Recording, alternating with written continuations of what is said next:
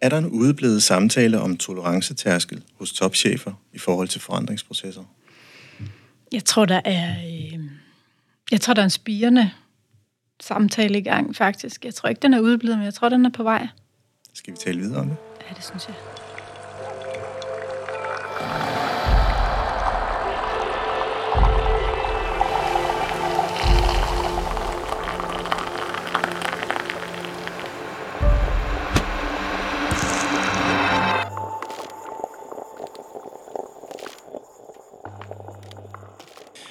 Velkommen til podcastprogrammet Kaffe og Ledelse. Mit navn er Jan Gomes, stifter af Mindcloud og vil være jeres podcastvært. Som leder står vi over for en kontinuerlig balanceakt mellem forskellige perspektiver og holdninger. På den ene side er der behovet for at træffe beslutninger, der sikrer fremdrift og effektivitet i organisationen. På den anden side så ønsker vi at skabe et inkluderende og rummeligt arbejdsmiljø, hvor medarbejdere føler sig hørt og værdsat. Men grænsen for, hvor meget ledere skal tolerere, er forskellige synspunkter, før det påvirker teamets dynamik, produktivitet negativt, er et perspektiv, der ofte diskuteres i lederteams. Der er også et andet, måske en lille smule tabubelagt perspektiv, som vi må adressere. Nemlig at forandringerne i organisationen kan have uventede konsekvenser for dem, der har besluttet forandringen, og lederen toppen kan stå over for en stigende uro. Kan det være, at forandringsvilligheden hos en topchef eller det politiske rum har en lav tolerancetærskel? Det er en vigtig diskussion, der ofte ikke får nok opmærksomhed. Vi taler meget om tolerancetærskel eller rummelighed for ledere i forhold til medarbejdere, men vi bør måske også kigge på ledelsen opad og dens effekt på organisationen som helhed. Det er nødvendigt at erkende, at offentlige organisationer kan ønske forandringer, men måske ikke er helt klar til dem. Forandringen kan skabe en angstfølelse, da den udfordrer den eksisterende tankegang om organisationens struktur og funktion. I dette afsnit, der zoomer vi en lille smule ind på personen ved rådet, der skal gennemføre den her forandring. Hvad er der egentlig på spil for dem? Og hvilke offringer skal de gøre? Det er vigtigt at afdække de personlige udfordringer og pres, som lederne oplever, når de står over for en omfattende forandring. I denne samtale så vil vi udforske disse to perspektiver, hvordan de kan påvirke organisationen, og hvordan ledere kan navigere igennem disse udfordrende situationer med integritet og beslutsomhed. Det kan jo være, at man står i de her tunge tider, og beslutningerne skal træffes, og de kan synes uovervindelige, i hvert fald udfordringerne. Men det med at kunne tage ansvar og lede teamet gennem stormvær, og samtidig holde fast i troen på den valgte retning, selvom der opstår en lille smule uro og modstand. Til det er min gæst Anne-Marie Sarko Bro, der er direktør i Region Sjælland og har tidligere været kommunaldirektør i Fredericia Kommune. Velkommen til. Tusind tak. det var en af de der lange indledninger. Ja, det var god. Åh, oh, tak, tak. Vi sidder på dit kontor. Ja. Øhm, og vi har fået kaffe, og Marianne, som har virkelig taget godt, af, godt imod mig, øh, har sørget for noget guf, og hentet også nødder og bananer, og ja, der mangler ikke noget. Og jeg tænker sådan, efter en god lang sommerferie, så tænker jeg, åh, det frister. jeg ved ikke, hvordan du har det. Jo, både og, men nu skal vi jo tale sammen, så jeg tænker, at måske kan man sidde og kigge på det der guf, og så tænke, at man skal have et stykke med, når man er på vej ud herfra. Det var, ja. det, det var en god idé.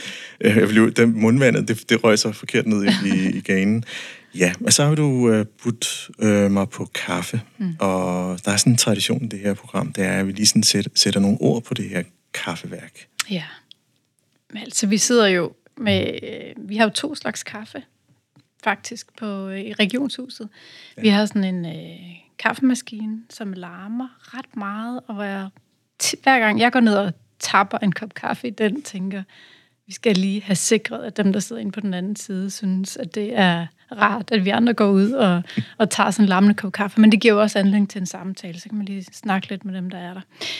Men den kaffe, vi har fået, er øh, vores kantinekaffe. Ja. Øh, den får vi på øh, termokanner og jeg har taget mælk i, fordi det er ved at være der på dagen, at den ikke behøver at være helt sort længere. Øhm, så den, jeg vil sige, den, den får vi øh, især her efter opstarten, øh, efter sommer, indkasseret en øh, vis mængde af i løbet af en dag. jeg håber, du kan lide den. Jamen, jamen den, er, den er fantastisk. Øh, det er nu sådan lidt nysgerrigt spørgsmål. Hvornår bliver sent på dagen, og hvornår er det, der kommer mælk i så? Øhm, jamen, jeg har en eller anden hen omkring klokken, klokken 14. Ja. Det bliver eftermiddag, og så må det godt være lidt mere sødt. Ja. Ja, og det får lige den der sødlige klang, når der kommer noget mælk i. Ja, det der bitterhed. ikke? Ja, Lige, øh, men om morgenen, der er den, der er den kulsort. ja. Ja. Fantastisk. Det er en skøn kaffe, mm. og vi sidder jo på dit kontor. Ja. Øhm, der er et maleri derovre.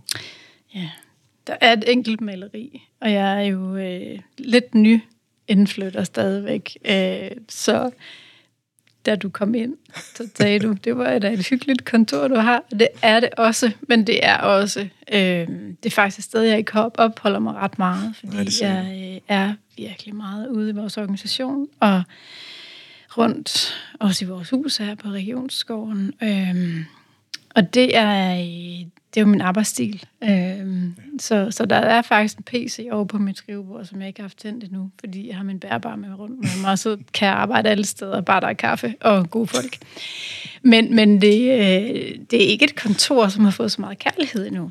Øh, der er ret sådan stilrent, vil jeg sige. Nej, det kom- Øh, der, kunne, der kunne godt komme lidt mere på væggene. Ja, ja. Ja. Jamen, altså, øh, nu fik jeg måske også lige sådan en lille smule sagt, at øh, det var et interessant maleri, men Ja. øh, det var ikke det, jeg mente. Det, der, var, der er bare et. Ja, der er et. Ja, og det er min, min forgænger har efterladt Ja, det. Øh, Ja, så det, det er også en hilsen fra ham. Det er meget hyggeligt. Så, skal vi, øh, skal vi skåle i kaffen? Ja, lad os gøre det. Mm, Skål. skål.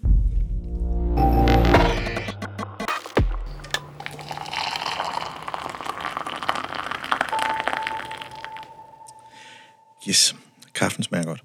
Det er godt. Jeg tror, vi har 47 afsnit, og 47 gange, jeg har sagt, kaffen smager godt. Nej, faktisk, det passer ikke, fordi der var en, en 6-7 af dem, hvor vi drak te. Så der hed det te og ledelse. øhm, men nok om kaffen, fordi øh, en ting, jeg synes, der er spændende med dig, øh, eller ved dig, undskyld, øh, det er, at, at øh, man kender jo din historie fra tidligere, og det er jo slet ikke det, vi skal handle, det skal handle om. Og det er også vigtigt i det her program, måske også indledningen sige, at, at øh, vi skal fokusere på, på, hvad man kan lære, og hvad man tager med sig. Øhm, og der er noget, der, der sådan defineret, det var det her med det her tolerancetærskel. Og der synes jeg, det var interessant, øh, også i forlængelse af vores samtale her før sommerferien, at kigge lidt på, jamen, er der, er der et mønster i det her? Er det noget, vi sådan kan genkende også i andre organisationer, så man egentlig kan give noget, inden det går helt galt? Øhm, at vi har så mange forskellige farver, også i vores lederbedrift. Øhm, at, at det er tilladt at have den type, at det ikke behøver at være så ensformigt det hele. Øhm, og, det, og det var sådan, et, det var sådan min, min approach til det, og så tænker jeg, jamen okay, så når vi ønsker at tale om forandringer, er topcheferne så indstillet på at ville forandring, fordi det kommer også til at betyde noget for dem. Det var de tanker, jeg gik med, og de er meget abstrakte, mm. øh, og det var sådan min indflyvning. Øh, hvad tænker du, når jeg, når jeg siger de her ting? Ja, men jeg tænker, at... Øh, altså et er, om vi taler om tolerancen sådan rettet i forhold til den enkelte topchef eller topleder. Øhm, og et andet perspektiv på det er jo en jagttagelse af, hvad sker der med tolerancen i vores samfund. Øh, fordi vi er jo øh, en, et, altså et, et produkt også af den tid, vi, vi er i. Og jeg synes, nu har jeg været i, i ledelse i, ja, det kan være for alle begynde at tælle efter, men det er vel 15, 15 år eller sådan Jeg noget. synes, det var jeg. siden 2008, hvis jeg ikke tager helt Ja, fejl. det er nok længere så, ikke? Eller okay. deromkring. Ja, det passer meget godt. Ja. Øh, omkring 15 år kom tidligt ind i ledelse. Øhm, og har jo har jo øh, både været øh, offentlig leder øh, hele vejen igennem. Ikke? Så, så jeg har oplevet den offentlige sektor, strukturforandringer osv. Øhm, og din invitation til mig har jo givet anledning til, også med det tema, du rejser, øh, lige at gøre nogle refleksioner på, hvordan har ledelseskonteksten ændret sig på de 15 år.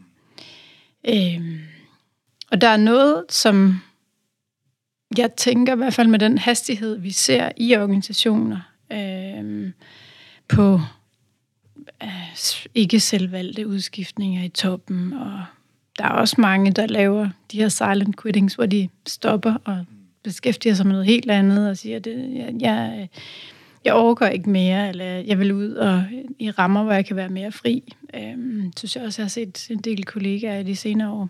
Og det er en anden tendens. Mm. Og øhm, jeg tror, jeg tænker, at, at, øh, at det der, det, der, øh, det, der ikke har ændret sig, er behovet for forandringer, fordi de var der også for 15 år siden.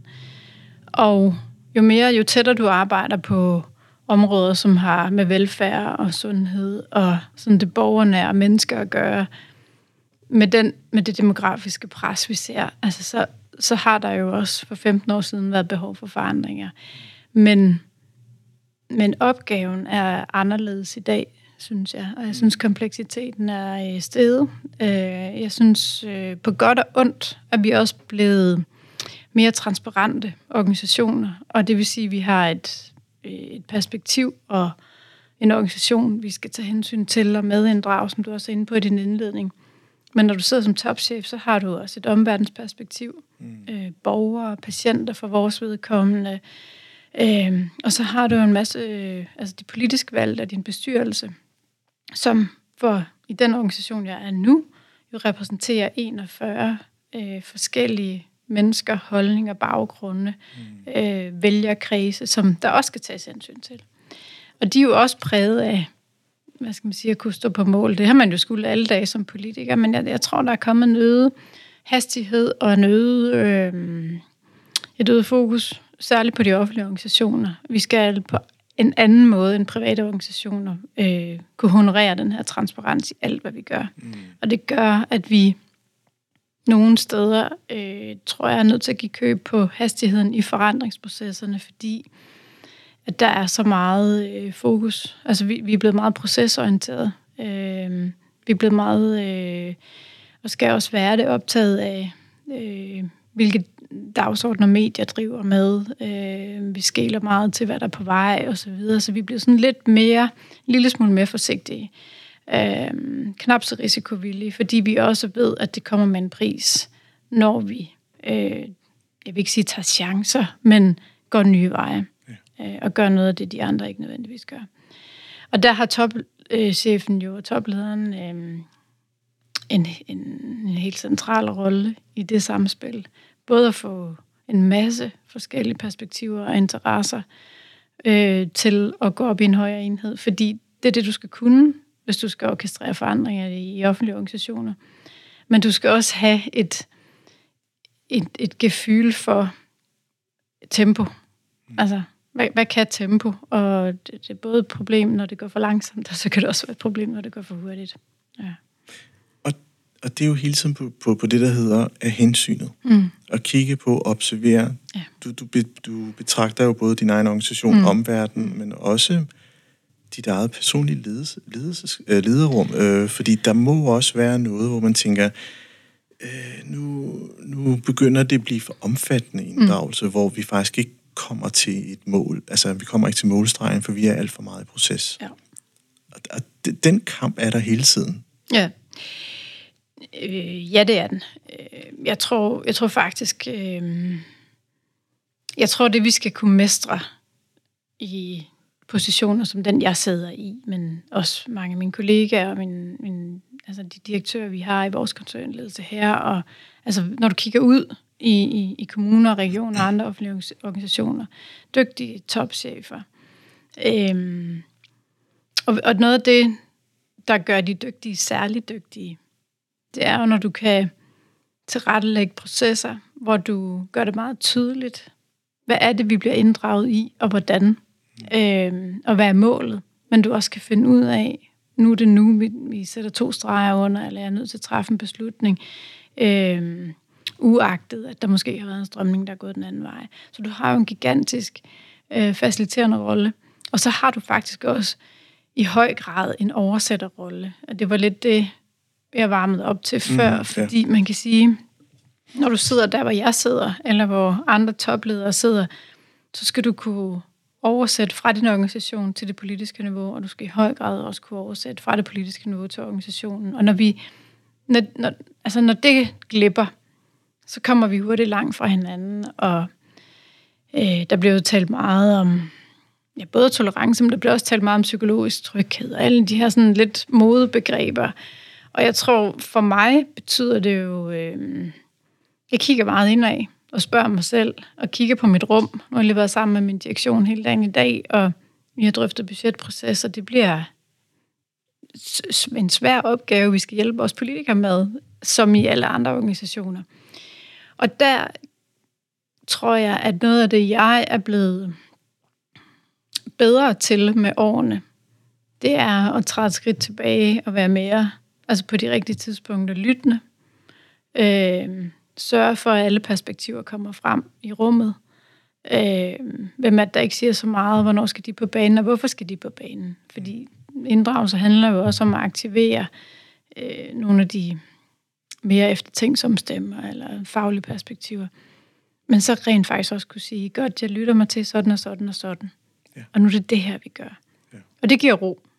Øhm, og der, der tror jeg, at, at øhm, man skal jo genbesøge sin egen tolerance over for andre også, og andres tempo, hvor jeg kan godt være hurtig på aftrækkeren, og det er øhm, godt i mange sammenhænge at være, selv være meget forandringsparat og hurtig og øh, kommunikerende og højt tænkende osv.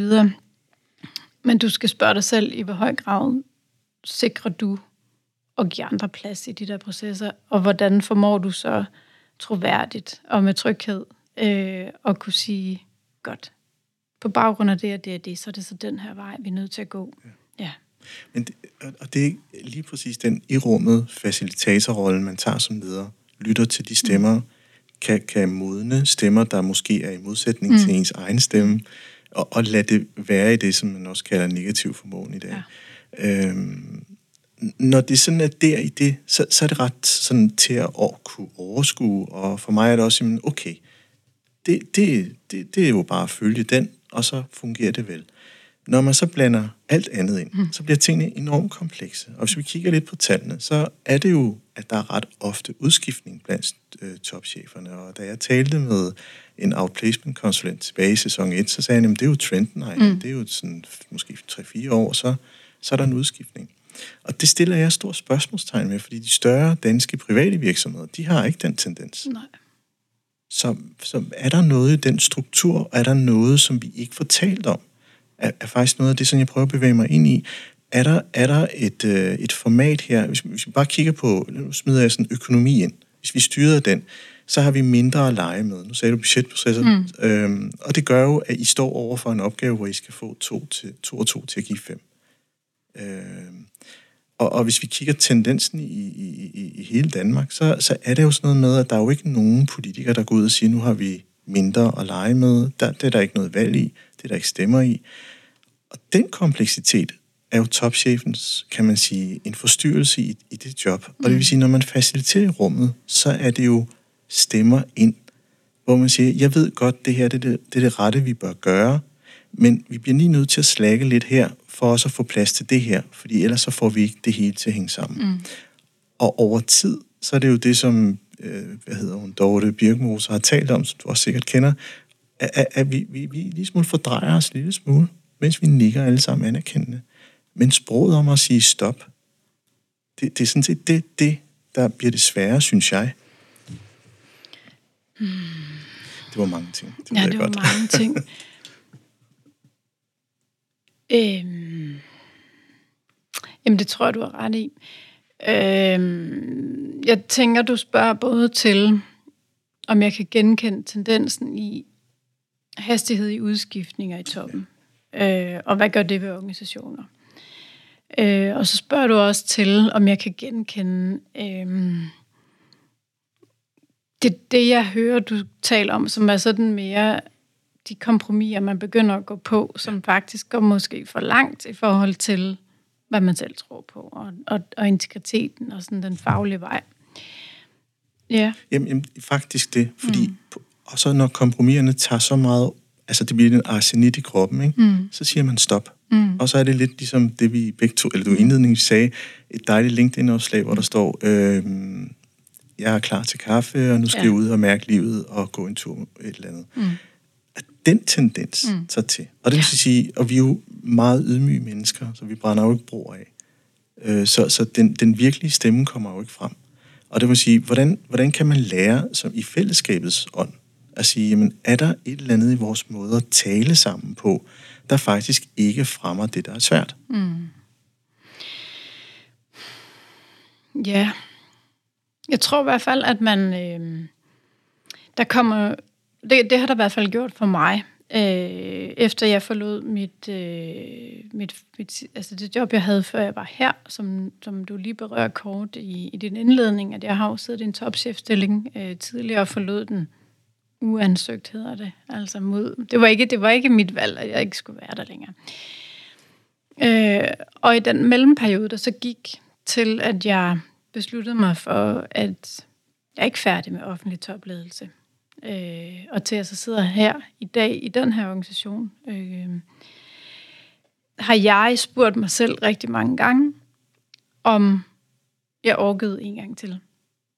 Øh, der kom en etisk dimension ind for mig selv, øh, og jeg har faktisk brugt, og det vil jeg anbefale alle, vi tager jo alle sammen lederuddannelser i alt muligt, økonomi og kommunikation og strategi. Jeg vil anbefale alle ledere, hvad end de er offentlige eller private, i at bore sig ned i de mere etiske og værdibaserede, sådan værdimæssige dimensioner af, din ledelsesopgave. Fordi det, der blev svaret for mig, var, jeg tror rigtig meget på den offentlige sektor. Og jeg tror rigtig meget på forandring og udvikling, men også på stabilitet. Vi skal jo ikke forandre bare for forandrings skyld, og faktisk rigtig mange gange, men vi skal holde fast i noget, som fungerer vanvittigt godt. Og, øhm, og, og et af de svar, som øh, vi kan jo genbesøge mange øh, etikere og filosofer, men Kirkegård tror jeg, vi kender alle sammen. Og og det kompas, han kan være med til at give en en ledelsesopgave, hvis man, hvis man bruger den, den oversættelse til sig selv, er, er øh, at være, har det i hvert fald været for mig, at sige, at hvis jeg skulle ledelse en gang til, så skulle jeg faktisk, og vil jeg faktisk blive tydeligere på den ærlighed, jeg synes, vi og vores organisationer fortjener, at vi giver dem. Mm. Øhm, og det er jo det modsatte af at, at arbejde ind i noget, som er en forrådelseskultur, øh, hvor man... Øh, det, kan, det bliver uhensigtsmæssigt, men jeg tror, vi alle sammen kan genkende, at vi har været i de situationer, at for at få det hele til at gå op, eller ja, absolut. alt det der, ikke? Men, men, øh, men der er i hvert fald for mig selv sket en modning som, som leder og som topchef, hvor jeg, hvor jeg øh, synes, jeg har et mod til at have en anden ærlighed. Mm. Og det handler det handler rigtig meget faktisk om at understøtte det, jeg tænker skal give gode politiske processer, fordi man arbejder i en offentlig styret organisation, hvis man er drevet af demokrati og politik og alle de der ting. Jeg knus elsker det jo. Mm. Med alt det bøvl, det giver. Øh, det er der også tit nogen, der siger, at det er meget nemmere at sende en privat virksomhed. Jo, jo, ja, ja, det ved det, men, men, men, men der, er en, der er en demokratisk dimension, som jeg synes er så fin at værne om. Men vi har jo også set eksempler, øh, altså bare i år, altså på øh, organisationer, hvor man kan sige, der er jo et eller andet brist et eller andet sted. Jeg skal ikke konkludere, hvor og hvorhen.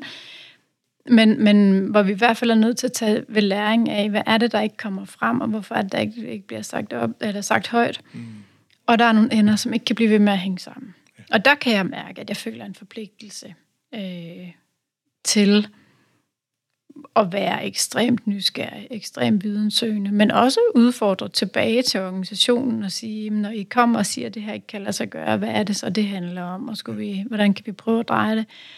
Øhm, og tale med dem om, når vores politikere skal i en bestemt retning, eller pege en bestemt retning ud, hvordan kan vi så bedst muligt klippe dem på til, øh, hvilke konsekvenser har det, hvilke muligheder har det, osv. Altså, det er den rolle, jeg synes, vi har.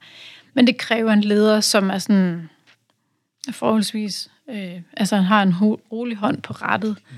og øh, hvor, hvor du kan, der er jo ikke nogen formel for det, fordi vi skal træffe hurtige beslutninger en gang imellem, øh, ja.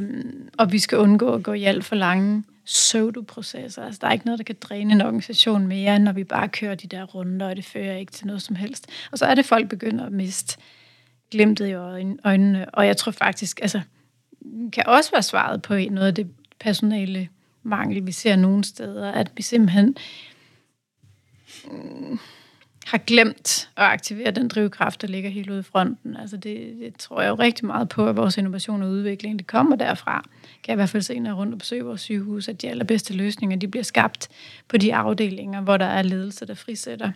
Ja. Og det allerbedste, vi kan gøre fra den position, jeg sidder på, og andre sidder på, det er at få øje på det, og lys på det, og få det til at vækste, og få endnu mere af det der.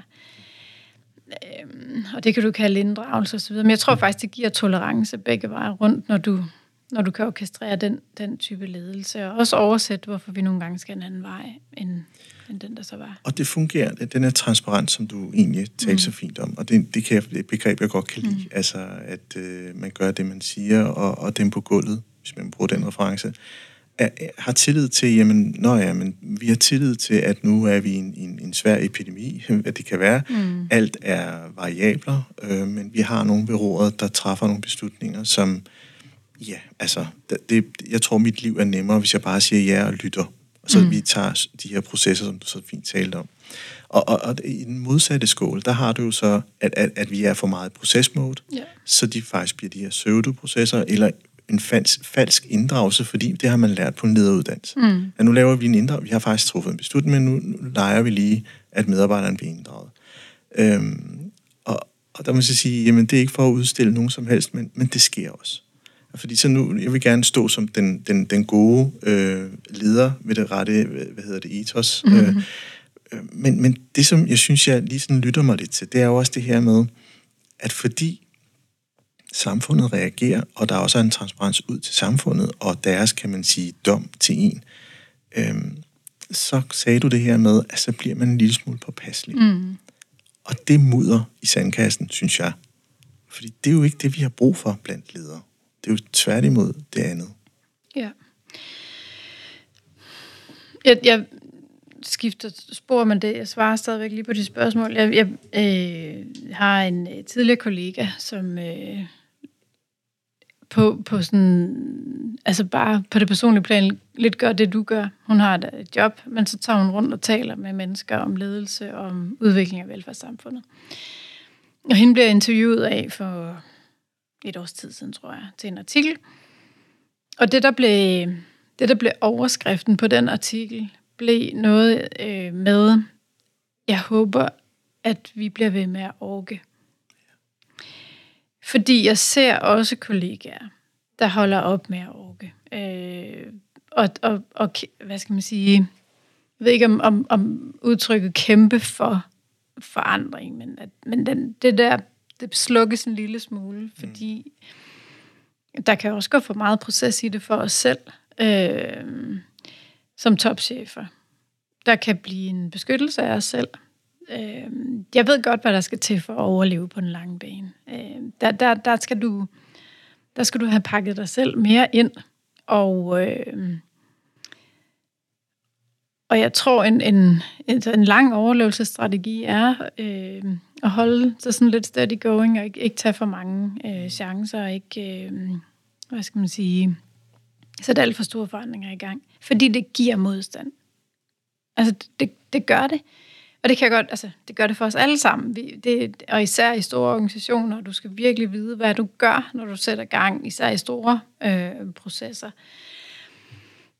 Så, så, øh, men, men det, der egentlig var min, min pointe i den artikel, var jo, at jeg synes, det velfærdssamfundet har brug for i høj grad af topchefer, som orker at blive ved med at tro på forandringen, og orker at blive ved med at gå forrest. Fordi vi har også en rolle i at være gode rollemodeller for vores organisationer, og være sammen med vores politikere, dem, der kan se mere længere ud i fremtiden end i morgen og i overmorgen, men altså, vi, vi, vi er jo nødt til at adressere nogle af de udfordringer, som vi står over for, ja, også næste år om fem år. Mm. Øh, vi har gang i en proces lige nu, hvor noget af det, vi prøver at komme med svaret på, det er, hvordan sundhedsvæsenet ser ud om fem år.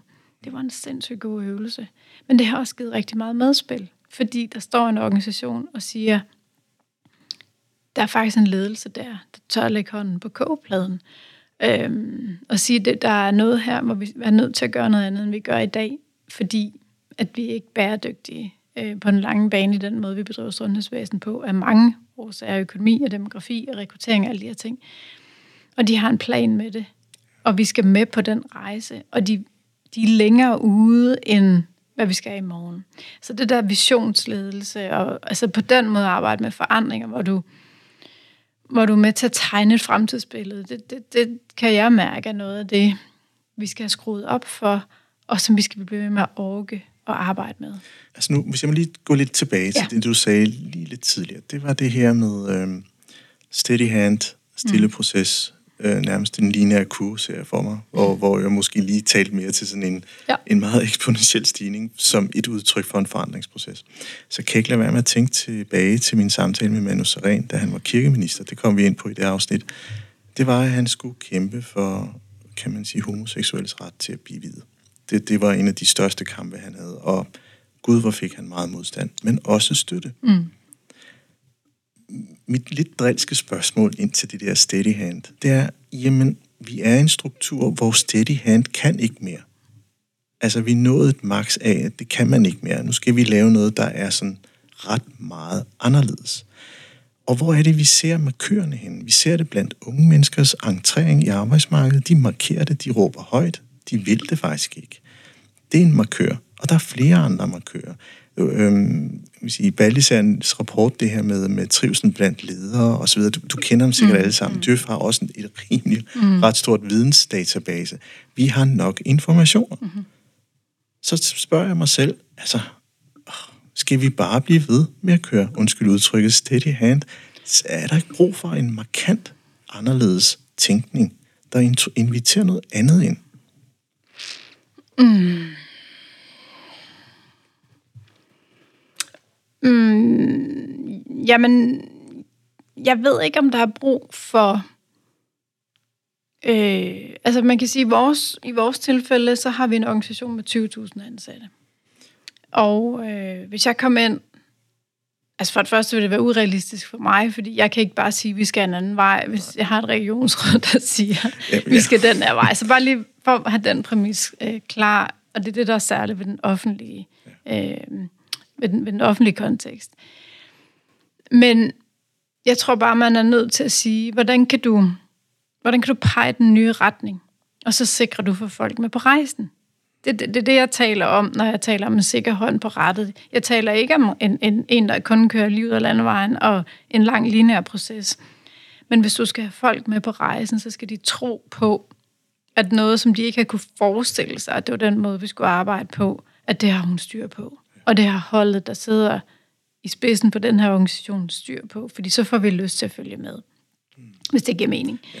Men, men, men jeg er også enig med dig i, at noget af det, vi generelt, og det kan godt være, det er nok en, en præmis i den offentlige sektor, jeg kan, jeg kan faktisk ikke helt forklare dig, hvorfor, men vi har kolossalt meget viden, mm.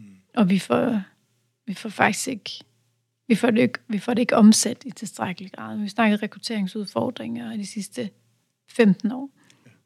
Øh, demografisk pres. Og, og der er ikke rigtig nogen, der får altså på den måde sådan omsat den viden, vi har til, til, til reel handling. Og der kan man sige, der, altså, der, der tror jeg, altså det var tilbage til det med at blive ved med at orke, fordi jeg synes faktisk, det der især topcheferne i den offentlige sektor har en vanvittig, vanvittig vigtig position, fordi de lige præcis er det her bindeled mellem et politisk niveau, som jeg oplever efterspørger løsningerne og efterspørger implementeringen, øhm, og faktisk er jeg til at med rette og synes, at forandringerne går for langsomt, og hvor du har en opgave i at holde din organisation i gang og på sporet osv., men også passe på den. Mm. Altså, det, er jo, det er jo det, man også lærer med tiden, at der er... Det gør, at vi har brug for radikale forandringer, men hvordan altså, skaber du dem øh, eksponentielt, eller skaber du dem in- inkrementelt? Og jeg tror lidt på begge dele. Altså, vi skal både modellere sådan helt indenfra i organisationen. Det vil være useriøst af mig at komme ind som, som øh, direktør i Region Sjælland, og uden at sætte mig ind i, hvad hvad er alt det gode, vi gør allerede? Hvad er det faktisk, der fungerer, vi skal have skruet endnu mere op for? Eller gode løsninger, vi skal have skaleret til resten af organisationen? Eller hvad det nu kunne være. Som, det er jo den rejse, jeg er på vej rundt i nu. Øhm, og, og bare komme ind og sige, nu, nu skal vi simpelthen bare buller et eller andet. Altså, vi har også nogle mennesker, vi skal passe på, og en drift, der skal køre. Og Præcis, præcis jeg er ekstremt ydmyg over for det der sundhedsvæsen, som kører 24-7. Det sociale område, der kører 24-7. Jeg tror, når først man har prøvet at stå derude og være leder af det, og mærke, at det er jo kerneopgaven, så bliver man en lille smule mere ydmyg over for kæmpe store radikale forandringer, hvor du kan hende og, og tabe rigtig meget på gulvet. Øh, sådan har jeg det i hvert fald selv. Samtidig med, at jeg er optaget af, at vi får hjulpet organisationen til at bevæge sig i en ny retning. Der er et hav af steder, vi har både hos os, men alle mulige andre steder, et, et kæmpe, kæmpe, kæmpe, kæmpe potentiale i at forebygge mere, øh, komme tidligere på banen, øh, så, så mennesker ikke, at deres sygdom eller psykiske lidelse udvikler sig, eskalerer, alt det der, synes jeg, vi skal blive langt, langt, langt bedre. Og der oplever jeg faktisk ikke nogen politikere, der siger, nej, det skal I ikke. Så der skal vi jo kigge ind af og så sige, okay, hvordan kan vi så understøtte, at den adfærdsforandring bliver aktiveret, øh, og folk bliver motiveret, fordi det er jo ikke kun os som topchefer, der ved, at vi skal noget andet. Det ved, det ved alle vores medarbejdere faktisk godt. Men det er et stort hold, du skal til at spille sammen. Øh, jeg giver dig, altså 20.000 mand, det er jo ikke, mm. det, er et, det er et ret stort skib ja, at, at lave en lille kovending på. Ja. Der kan jeg sagtens, jeg udfordrer dig også lidt, også fordi, at øhm, nu, nu når jeg har dig her, så mm. det er også dig som privatperson, ja. og ikke som repræsentant øh, for, for Region Sjælland, mm. så det er også sådan lidt den type samtale. Ja. Og det er også det, at introducere nogle scenarier, så mm. vi prøver sådan at forme dem lidt, og se om det kan lande rigtigt mm. på en hylde. Øhm, hvis jeg lige må lave en lille anekdote hjem til, så har jeg sådan en, en datter, der er gået lidt sommerferie oprydningsamok, og synes lige, hun skal flytte rundt på tingene i køkkenet. Mm-hmm. Så hun synes jo, at tallerkenerne skal stå et andet sted, og så videre. Og, og jeg kan ikke tåle alt for mange forandringer. Mm. Fordi så på den tidspunkt, så reagerer jeg og hvor er det nu, de er blevet flyttet hen? Mm. Hvorfor er de nu det? Øh, det her, det er tallerkener. Hvorfor skal der stå ting oven på noget, vi bruger hver dag? Og så kommer de her spørgsmål. Mm. Og, og det er jo lidt metaforen over i en organisation. Hvis man introducerer for meget på én gang, ja. Det er klart, så reagerer man, og det, det er jo også en utryghed. Mm. Det, jamen, hvad nu det? Er jeg dygtig nok til mit arbejde? Mm. Og så videre. Mm. De, de, de mønstre, kan man sige, er, har jo altid været der. Ja. Øhm, men tåler man at stille sig op og sige, hvorfor ændre noget, der virker? Mm. Fordi det er ikke paradigmet. Det er lidt ligesom til mus-samtalen. Jeg ønsker ikke efteruddannelse. Jeg er egentlig ret glad med det, mm. jeg har. Mm. Altså, er det sprog dannet? Ja, det er et godt spørgsmål. Jeg tror, øh, jeg tror, det begynder at komme på mode. Øh, hvis jeg skal være helt ærlig. Fordi vi har... Øh, jeg tror, det næste, vi begynder at tale om, er de mange, mange, mange reformer, der er gennemført de sidste 20 år i Danmark. Og hvilke konsekvenser det har haft. Øhm, og noget af det har været godt, men der er også noget af det, som har været ugennemtænkt og ikke koordineret. Øhm, som har været siloer, der mm. har besluttet noget, fordi det gav mening inden for den silo, men så var det på bekostning af noget i en anden, altså beskæftigelse, social og så videre, så videre. Og jeg tror, jeg tror, jeg tror, det næste, vi kommer til at tale om, er den her, hvordan gør vi ting bæredygtige? Hvordan gør vi det langtidsholdbart? Øhm, og tilbage til din metafor omkring køkkenet, altså det er jo en stressfaktor. Øh, men, men i, en, i en overført betydning har vi jo brug for ikke at, at, at skabe et stressniveau, hverken i vores samfund eller vores organisationer, hvor, øh, ja, hvor stressniveauet bliver så højt, at vi sætter hele bæredygtigheden øh, på, på spil. Og, og det, øh, det var, altså bæredygtighed talte vi jo ikke om bare for fem år siden. Det, det er nyt, og, og for to år siden talte vi om det i sådan en klimakontekst, men vi begynder jo at bære begrebet over i, at mennesker skal kunne holde til at være i de organisationer, de er i. Vi skal øh, bruge de ressourcer, vi har, hvad enten det er menneskelige, eller viden, eller økonomi, klogere og mere langtidsholdbart. Og det synes jeg er en anden måde at tale om ledelsesopgaven på, end effektivitet og resultater. Og ja, og måske har, undskyld, jeg afbryder mm. der, men måske har, er bæredygtighedsbegrebet stadig på medarbejdernes præmisser. Den er mm. ikke nået til lederne endnu. Og det er det egentlig det, jeg spørger mm. ind til, det er, jamen, slitagegraden Ja. hos en leder Ja. er stadig ret høj. Ja. Den er meget høj. Og, og, og de skal stå med den her, jeg skal stadig kunne orke. Ja. Men, men, men, men det er jo måske også derfor, de unge stiller sig op og siger, det har jeg faktisk ikke lyst til at Ja. Men, men vi har ikke talt om hverken bæredygtig ledelse eller bæredygtige ledere mm. ret meget endnu.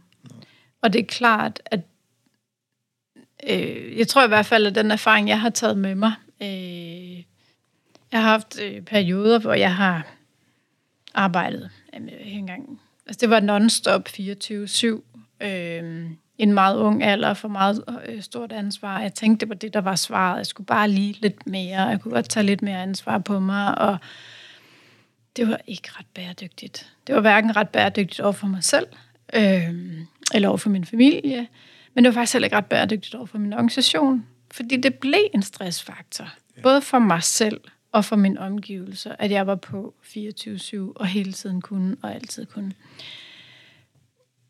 Men der var ikke nogen, der... Altså, man kan sige, hvem er det, der har opgaven i at tage hånd omkring øh, den del? Og der tror jeg bare, at det, der er min pointe med at besøge en mere sådan personlig og etisk dimension i sit eget lederskab, jo også er at spørge sig selv om, hvordan bliver du den leder, du gerne vil være, og hvordan kan du udøve den ledelse, du, gerne- du, du tænker og drømmer om, at du gerne vil. Øh, og hvordan får du taget ledelse på dig selv, først og fremmest, fordi at før du kan det, er det svært at, at tage ledelse på andre. Men jeg er meget optaget af, at vi begynder at tale omkring leders arbejdsmiljø, leders trivsel. Øhm, og at vi starter med, når vi vender tilbage til tolerancebegrebet, hvor jeg er meget enig med dig i, i hvert fald det, jeg hører, du siger, jamen, vi har jo hele tiden en opgave i at være ekstremt tolerant over for vores organisation.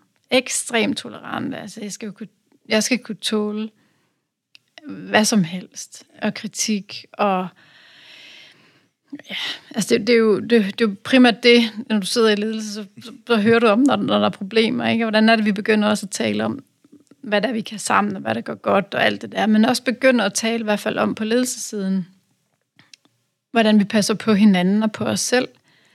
Øhm, og der tror jeg, at tolerancebegrebet kan noget, fordi vi er nødt til at være mere tolerante over for hinanden. Mm. Og, og det, det taler jo også ind i en mangfoldighedsdagsorden, som ikke kun handler om køn og etnicitet, men også tolerance over for synspunkter, tolerance over for forskellige måder at kunne gå på arbejde på. Øh, vi leverer på forskellige måder, vi har forskellige talenter osv. osv. Så hele den der, synes jeg er ekstremt spændende.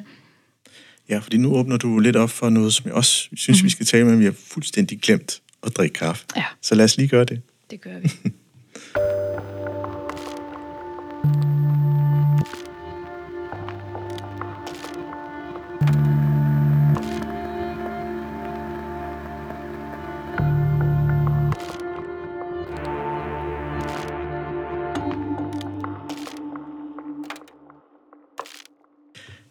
altså vi fik næsten ikke drukket så meget kaffe, så den er blevet en lille smule køligere, men den er fin. Den er, Den er fin, fin. Det er også sommer, ikke? Vi kan godt tage den sådan lidt... Det kan vi lidt sagtens, og øh, jeg tænker, at altså, det er et super spændende emne, og jeg kan også godt høre, at arbejde med tolerance, tolerance, tolerance tærskel hedder det, øh, så bevæger vi os også stille og roligt ind i, i det personlige lederskab, mm. altså hvad der egentlig foregår i lederen. Og der får jeg sådan lyst, lyst til at lidt at, at dimensionere det en lille smule, fordi Øhm, den gode Jung har jo lavet sådan et øh, fire områder, hvor der er, der er både tænkeren og sanseren og føleren og, og så intuition. Mm. Øhm, og det er noget, som sætter sin præg hos alle mennesker. Øh, man kan være i sin følelsesvold, og man kan være kun den tænkeren, og, altså, og så videre. Min hypotese er jo lidt, at vores måde at tænke organisation på, er rigtig meget på rationaler og logik. Det vil sige, det vi kan se, og det vi kan måle, det er det, vi opererer ud fra. Og det taler rigtig meget til tænkeren. Mm. En anden tese er, at for at skabe de her forandringer, som rigtig batter, så taler det noget til nogle af de andre kompetencer. Og der er det sådan lidt, det sprog, der er der, er jo, altså, det kan jo blive ødelagt på sekundet, hvis der er en, der siger, Hvor er Excel-regnearket, der kan måle det, du siger, så er det ødelagt. Ja. Øhm, den rummelighed i processerne, og den forskellighed blandt ledere, er jo også en tolerancetærsk. Mm. Jamen, det er det helt vildt.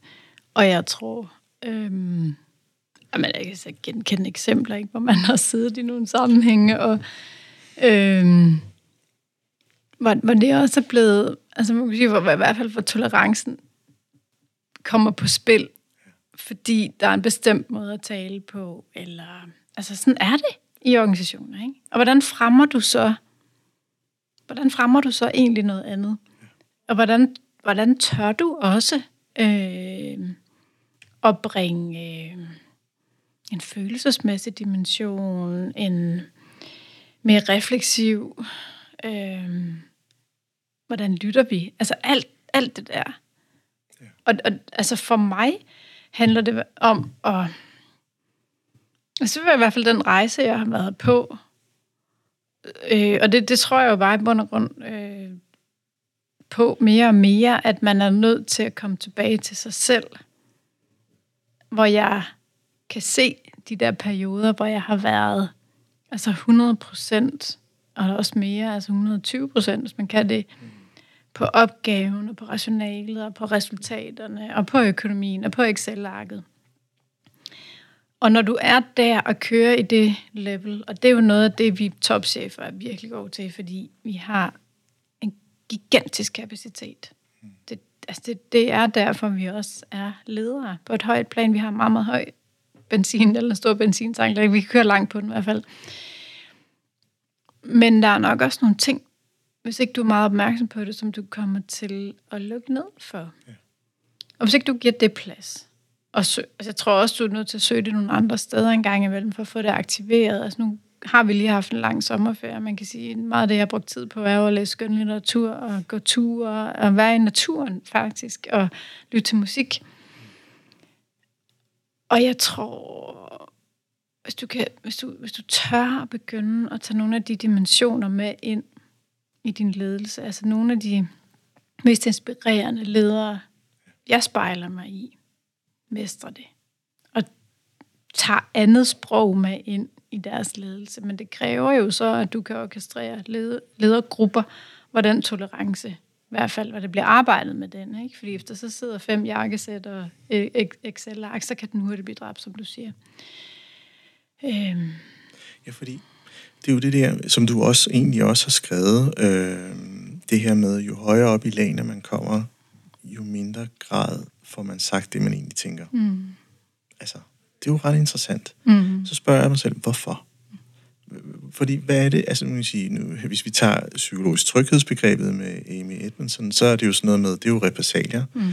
Øhm, men der kan også være den her frustration, som bliver sagt i følelser, og, og den, der lytter, skal kunne dekode, at det nu er i følelsesregi. Den, der afleverer budskabet, har måske ikke modnet sig selv først, mm. før det bliver afleveret. Så der er også den her med sproglige mestring, øh, som, som, som også er en kompetence, der er nødvendig, fordi så gider man ikke at høre på vedkommende, mm. og de har været i følelsernes vold i fem minutter i træk, mm. så lukker man ned for mm. det. Det er jo menneskelige træk. Mm. Og det er jo det, det, som jeg tænker, jamen de er dyder, som vi egentlig er bygget med for barns ben af. Hey, stop. Mm-hmm. Det er ikke i orden, det her. Mm-hmm. Hvorfor bliver de udvisket, når vi er i en organisatorisk kontekst? Ja, hvorfor gør de det? virkelig, virkelig store okay. Ja, det er store spørgsmål, du stiller. Øhm, jamen, øhm, jeg, jeg tror, der er flere perspektiver på det spørgsmål. Noget af det, du, jeg tror, du henviser til en af de artikler, jeg har medvirket i, hvor jeg siger, at det, jeg har oplevet, er, at jo højere op du kommer, du kan godt være, du får, du får øh, hvad skal man sige, kritikken serveret. Altså, det der, det vi er utilfredse med, eller hvorfor skal vi spare det? Men det er noget andet. Men du får ikke ret meget feedback på din ledelsesstil. Altså det får du faktisk nærmest ikke. Øhm, så det, det er sådan et perspektiv, og det tror jeg er altså noget klassisk, øh, altså, forstå, altså hierarkierne og noget ærefrygt og så videre, men det er super farligt. fordi jeg synes, man potentielt kan komme lidt på overarbejde, hvis ikke du har nogen omkring dig, som føler sig trygge, og som du føler dig trygge ved, hvor du fordomsfrit kan tale om, prøv at høre, det trigger mig helt vildt, Præcis. når du gør sådan og sådan. Det skal vi også kunne sige til hinanden ja. på topchefniveau. Øhm, og det, det kan du finde ledergrupper, der kan. Øh, altså helt klart. Øh, så det, det er ikke, fordi du ikke kan, kan. Men jeg tror, det andet, jeg oplever, eller sådan en betragtning, er, at vi også er meget pæne. Mm. Øh, det er også en danskhed, ikke? Altså, vi, vi er meget pæne, og kan ikke ret godt lide konflikter. Og konsensusstyret. Konsensusstyret og søgende, ikke? Mm. Og det, det giver den bagside, at der i alle processer, i alle organisationer, hos alle mennesker, er frustrationer, som hvis ikke du får lukket op for dem, så kan det, altså worst case, så ligger det jo og bliver til noget, som enten altså det foregår så ja. alle mulige andre steder, der, du, der bliver talt om det alligevel, det er bare ikke ventileret de rigtige steder. Præcis. Og det handler jo om, altså igen om tolerance, men det handler også om din måde at være i verden på, men, men du kan ikke, jeg tror min erfaring er, at jeg kan ligesom stille mig ind med det, jeg er og har og tror på, og den jeg er. Men jeg kan ikke alene skabe det rum. Altså det kræver jo et samspil med dine omgivelser. Øhm, og der er vi jo alle sammen rundet af, altså vi har forskellige ting med os i vores bagage, vi er ja, forskellige, rundet af forskellige øh, organisationer og så videre, ikke? Jamen, der, var jo altså, der, en lille anekdote. Øh, da de byggede Tøning Torso i Malmø, det var vist en, en svejsisk arkitekt, hvis jeg ikke husker helt galt. Og det er jo øh, bygget af det, der kunne svare til KAB. Mm. Lignende. Øhm, og der, de her sådan, entreprenører, der ligesom skulle, de diskuterede cement og mursten. Og de var meget uenige, og det levede ikke op til alt muligt små detaljer og faglighed. Hvor arkitekten på en meget uddansk eller ikke nordisk måde, mm. kigger rundt i bordet, stopper alle og siger, er vi her for det samme? Mm. Og så bliver der stille. Mm. Det er jo, det er jo den, den mm. kompetence, det vil sige, er det, er det sådan en, man skal aflevere? Nu går I ud og siger det alle. Nej, fordi det er jo, det er jo kontekststyret, mm. det er jo situationsbestemt. Og det er jo fordi, at der, der bliver der sat en grænse og sige, mm. jamen, mm. det taler faktisk ikke ind i det, vi mødtes til. Ja. Øh, og jeg har tillid til, at I nok skal finde ud af, hvilken mørtel eller mursten, der skal bruges. Mm. Men, men det store billede. Mm. Øh, og, og det er det, hvor man får, får faklet sig ned i detaljer, som får, kan man sige, forstyrret i sådan en grad, mm. at, at, den store strategiproces, visionsproces, bliver simpelthen, den sander til. Mm. Og så går man derfra med sådan en fornemmelse af, nu kører ekokammerne rundt omkring. Mm. Øh, og det, det, det, det er også på spil, mm. men vi taler ikke om det. Mm. Fordi vores mavefornemmelse har registreret det. Mm. Så det, det, det er sådan mit take på det, det er, når vi taler det sprog, der jeg, siger, jeg synes, der, der, det ulmer lidt. Mm. Øh, så vil alle sige, nej, nej, nej, det kan ja, du ikke bevise. Mm. Så lukker vi den. Mm. Altså er den ikke længere, mm. men den lever. Ja. Øh, og du kan ikke få fat om den. Nej, det er lidt den samme, altså min, min anden, når du sidder til en jobsamtale, nu har jeg også selv siddet i rigtig mange, hvor, hvor man får en mavefornemmelse af den kandidat, man mm. interviewer og mm. tænker, okay, der er et eller andet her, der, mm. der smager rigtigt. Mm. Så hvad er det, vi læner os op af her? Mm. Vi, kan ikke, vi kan ikke argumentere det, det står ikke i CV'et. Øh, men ham, der havde, eller hende for den sags skyld, havde det bedste CV, mm. havde måske ikke kommunikativt de værktøjer, som organisationen havde brug for. Mm. Der, der begynder vi at smage den kompetence, men alle andre steder, der, der falmer det af min, af, min overbevisning. Ja, altså jeg, jeg tænker, du taler om intuition. Øh, og bruge ja, det, det intuition. Var, det var bare en af, af ja, de fire, ikke? Jo, jo, jo, men, men, men, men det er jo også nyt, at vi begynder at tale omkring det. Ikke? Øh, intuition i ledelse, fordi det tror jeg, vi kan, det kan jeg i hvert fald genkende. Jeg har siddet i rigtig mange sammenhænge, hvor der er et eller andet, og jeg tænker, det er velbeskrevet, det er veldokumenteret, men der er noget her. Og der er det, det at kunne følge sin intuition som leder, er virkelig interessant. Hvordan du får aktiveret den muskel i dig selv. Øhm, og jeg synes, det hænger sammen med den modning. Vi har den ikke, når vi træder ind på ledelsesgangen. Altså der, der, der tror jeg også, du, du vil kunne... Altså, at mange af os kan genkende den der med også at føle, at man tager en eller anden frakke på, nu skal jeg leve op til noget.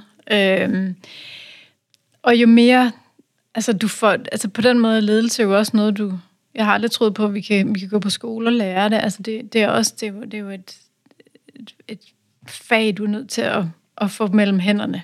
Øh, og du, det er jo menneske til menneske, og alle de der ting.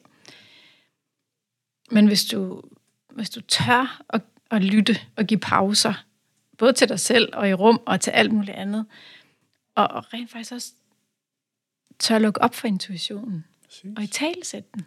Lad mig være så angst for den. Det er ikke så Altså, farligt. Nej, Nej. Hvad er det så, vi får øje på? Ikke? præcis.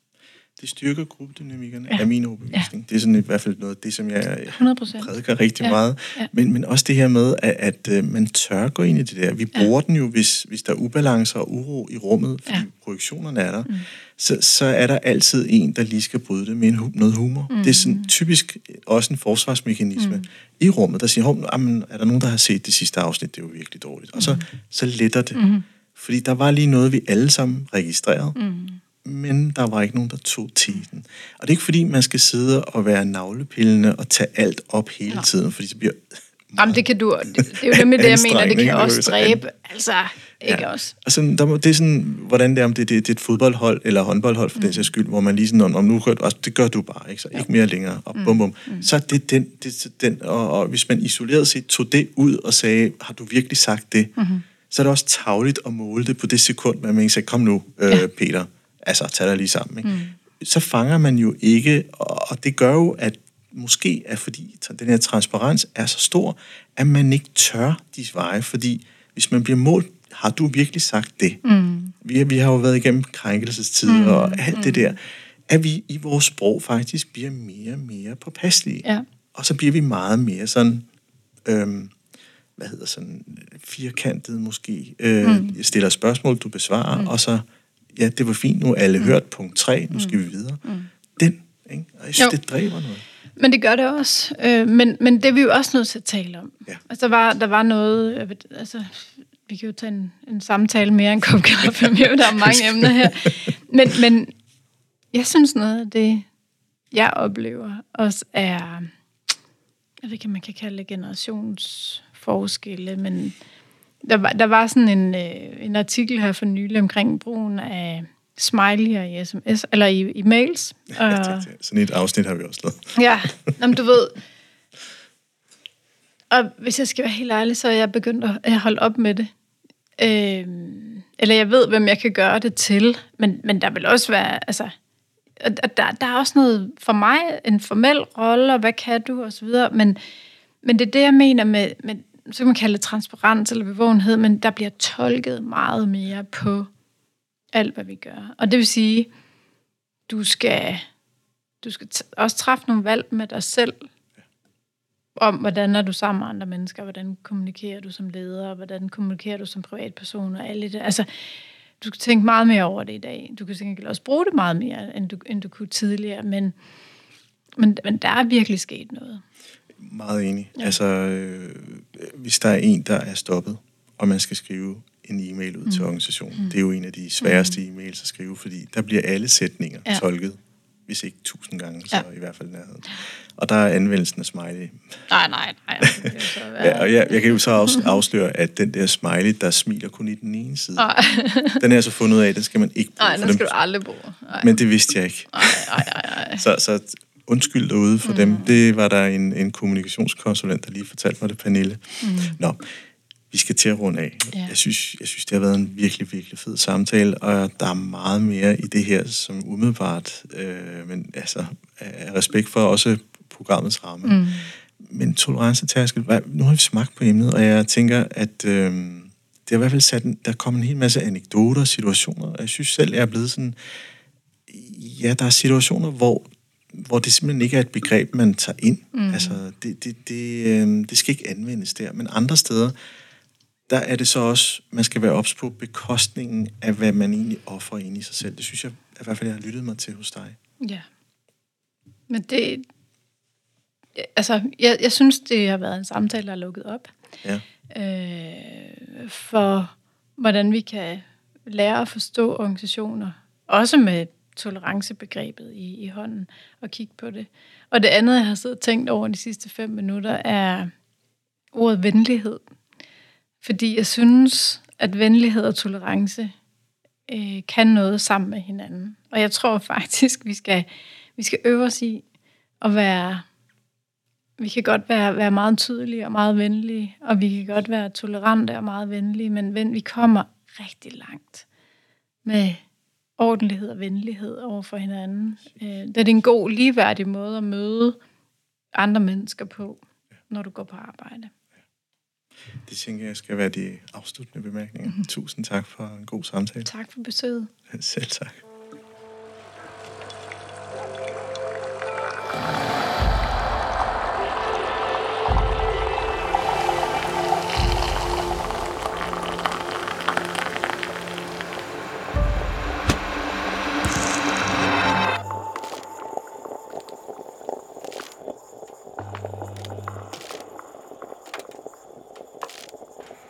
Lyttet til podcastprogrammet Kaffe og Ledelse.